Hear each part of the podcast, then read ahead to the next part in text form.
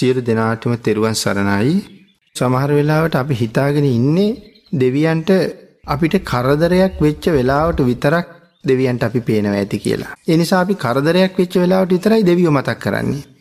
අපි කියමන්ටත් කියනවනේ මට වෙච්ච වැඩේ හැටියට දෙවියන් සිහි වුණා කියලා. අපි එහෙම හිතාගෙන හිටියට දෙවියන්ට අපිව නිතරම පේනවා. කරදරයක් වෙච්ච වෙලාවට විතරක් නෙමෙයි. පඳුරක් ගැට ගහන වෙලාවට පින් අනුමෝදන් කරන වෙලාවට නෙමෙයි. සුවඳ දුම් ටිකක් පූජා කරන වෙලාවට නෙමෙයි. අපි එහෙම දේවල් කරන පඳුරට සුවඳ දුම් අල්ලා සමහරට පඳුරු ගැට ගහන්නේ. නමුත් දෙවියන්ට අපි හැම වෙලාවෙම පේනවා.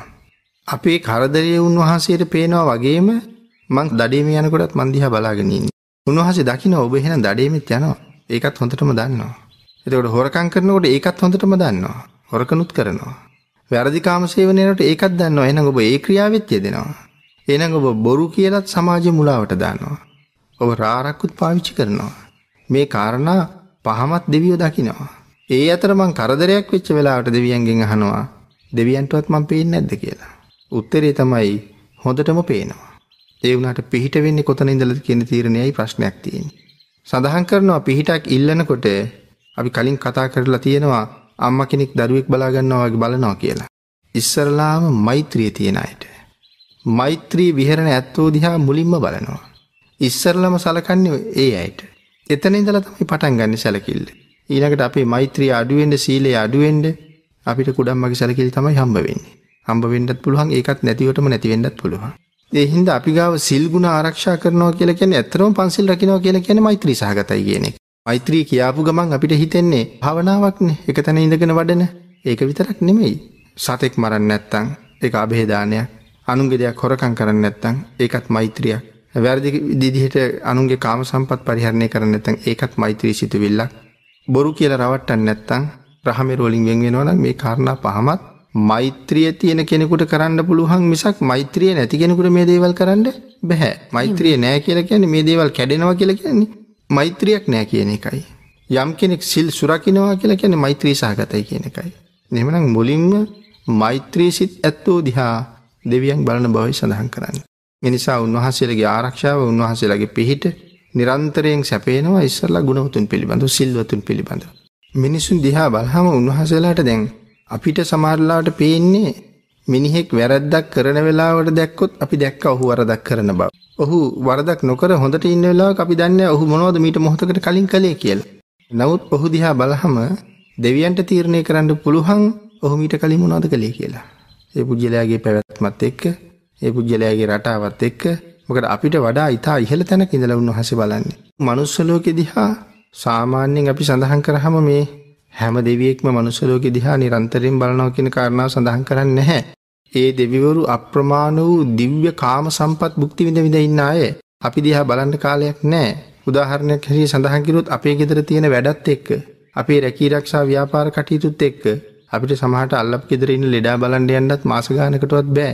වැටෙන් එහා පැත්තේ තාප්පෙන් එහා පැත්තේ ඉන්නේ. නමුත් අපිම ගෙදර කතා කරනවා අහවලා ලෙඩ වෙලා සුමානයක් ගියා නමුත් ඔය බැම්මෙන් එහා පැත්තට ය아가න්න බැරි වුණානේ කියලා. ඒ තරම් අපේ කටයුතු උන්වහන්සේලාත් අප්‍රමාණ වූ දිව්‍ය සැප විඳ විඳ ඉන්න අය. මනුස්ස ලෝකෙ දිහා බලනවා නම් බලන්නේ ඊටාම අඩුවෙන්. නමුත් නිරන්තරයෙන් මනුස්ස ලෝකෙ දිහා බලන දෙවිවරු ඉන්නවා. ශක්‍ර දේවේන්ද්‍රයන් වහන්සේ සතරවරන් දෙවිවරු උන්වහන්සේලා නිරන්තරයෙන් මනුස්ස ලෝකෙ දිහා බලනවා. ඒ බලනකොට උන්වහන්සේලා දකිනවා.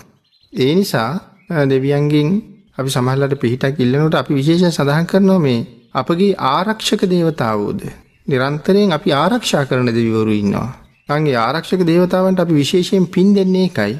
ඒ ආරක්ෂක දේවතාවරු එතකොට කොහොමත් අපි දිහා බලනවන්නේ. දරු උන්වහන්සේලා නිරන්තරයෙන් දකින්න අපි මොනවද කරන්න කියලා. දෙවිවරු නිරන්තරයෙන් අපි ආරක්ෂා කරනවා. අපි සිල් ගුණ රකින්නවා නම් අපි සමහරවිට දේ දෙවියන්ට පිනුත් අනුමෝදන් කරනවා. උන්වහන්සේලා අපිව ආරක්ෂා කරනවා කියන කාරණාව අපි සඳහන් කළා. අම්මා කෙනෙක් දරුවෙක් බලා ගන්නවා වගේ බලා ගන්නවා කියලා. සම්මාදිට්ඨියේ ඉන්න පුද්ගලයා පිළිබඳ විශේෂ ආරක්ෂාවක් උන්වහන්සේලා ගාව තියෙනවා. ඔහුගේ කුසලය නිසා අනික් අයට ඒක විපාක දෙනවා. ඔහුගේ කුසලය නිසා අනික් අයත් රැකෙනවා. සමහර වෙලාවට එක්කෙනෙකුගේ අකුසල් නිසා, ඒ කියන්නේ බොහෝ පිරිසගේ අකුසල් නිසා සමහර වෙලාවට හොඳ කෙනත් ඒකට ගොදුරු වෙලා ඒ ආරක්ෂාවක් නැති වෙන්නත් පුළුවන්. කුසලයේ පාපයට වඩා බලවත්.